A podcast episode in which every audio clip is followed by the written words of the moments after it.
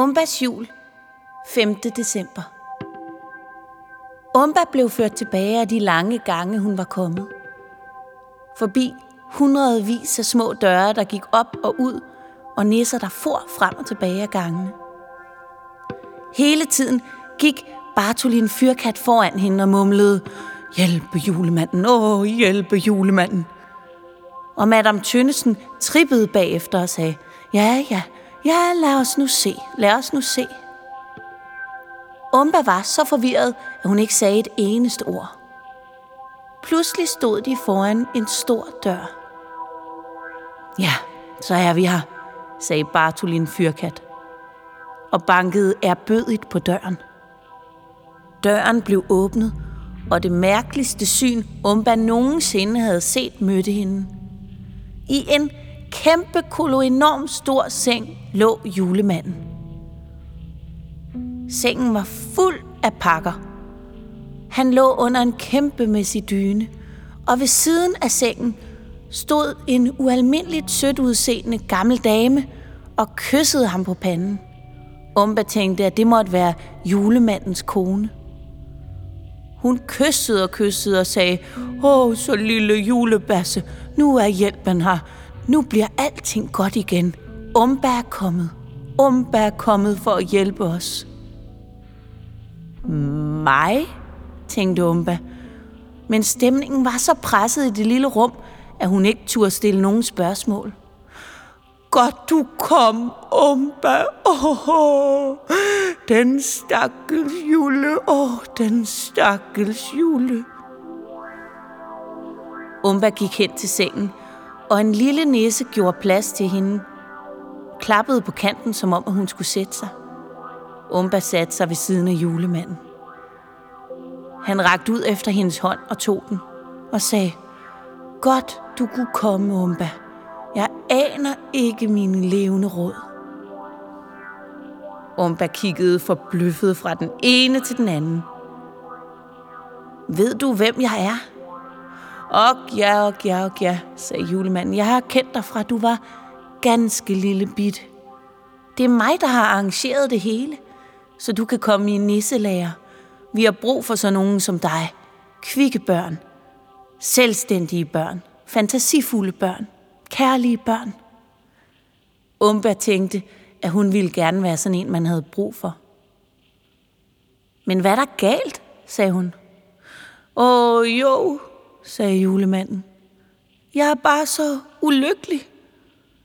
Jeg, jeg synes ikke, der er noget ved noget mere. Julen, åh ja, julen, det er bare blevet et gaveræs, og der er ingen, der tror på mig mere. Og, åh, nej, jeg synes ikke, der er noget ved noget mere. Nej, sagde Umba. Så du er altså ked af det? Åh oh, ja, yeah, jeg er så ked af det. Han er så ked af det, sagde julemandens kone og kyssede ham endnu mere på panden. Han smiler aldrig mere. Han, han griner ikke mere. Han kan ikke få et eneste ho-ho over sine læber. Nej, sagde julemanden. Ingen ho-ho. Og så brød han ud i gråd. Umba knugede julemandens hånd. Hjælp mig, Umba, hjælp mig, sagde julemanden. Ja, sagde Umba. Jeg skal gøre, hvad jeg kan. Tak, sagde julemanden og julemandens kone, og alle nisserne omkring hende omfavnede hende. Umba blev helt bange for, at hun havde lovet noget, hun ikke kunne holde. Men men hvordan skal jeg hjælpe dig? Ja, jeg ved det ikke, sagde julemanden. Det er det, der er problemet. Men jeg er sikker på, at du kan klare det. Med mod, åbenhed og glæde, der kommer du langt. Men nu må jeg sove.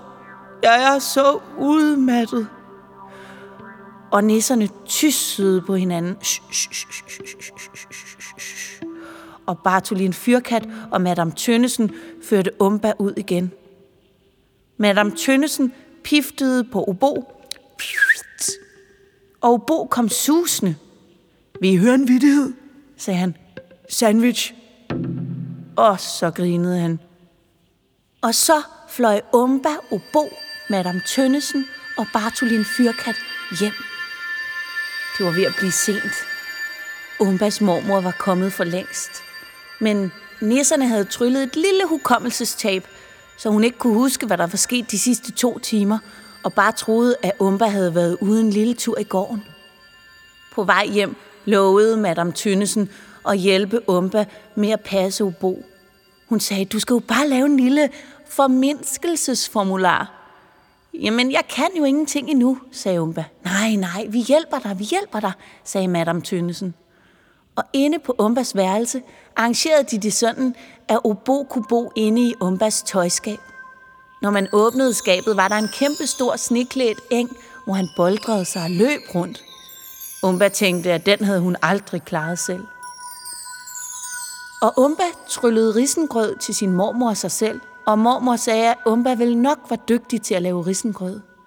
Og da Umbas mor og far kom hjem, fik de masser af kys og kram. Og Umba sagde, at hun havde det bedre og gerne ville i skole i morgen. Den nat sov Umba ikke særlig meget, for hun tænkte, så det knæede. Hvordan hjælper man julemanden?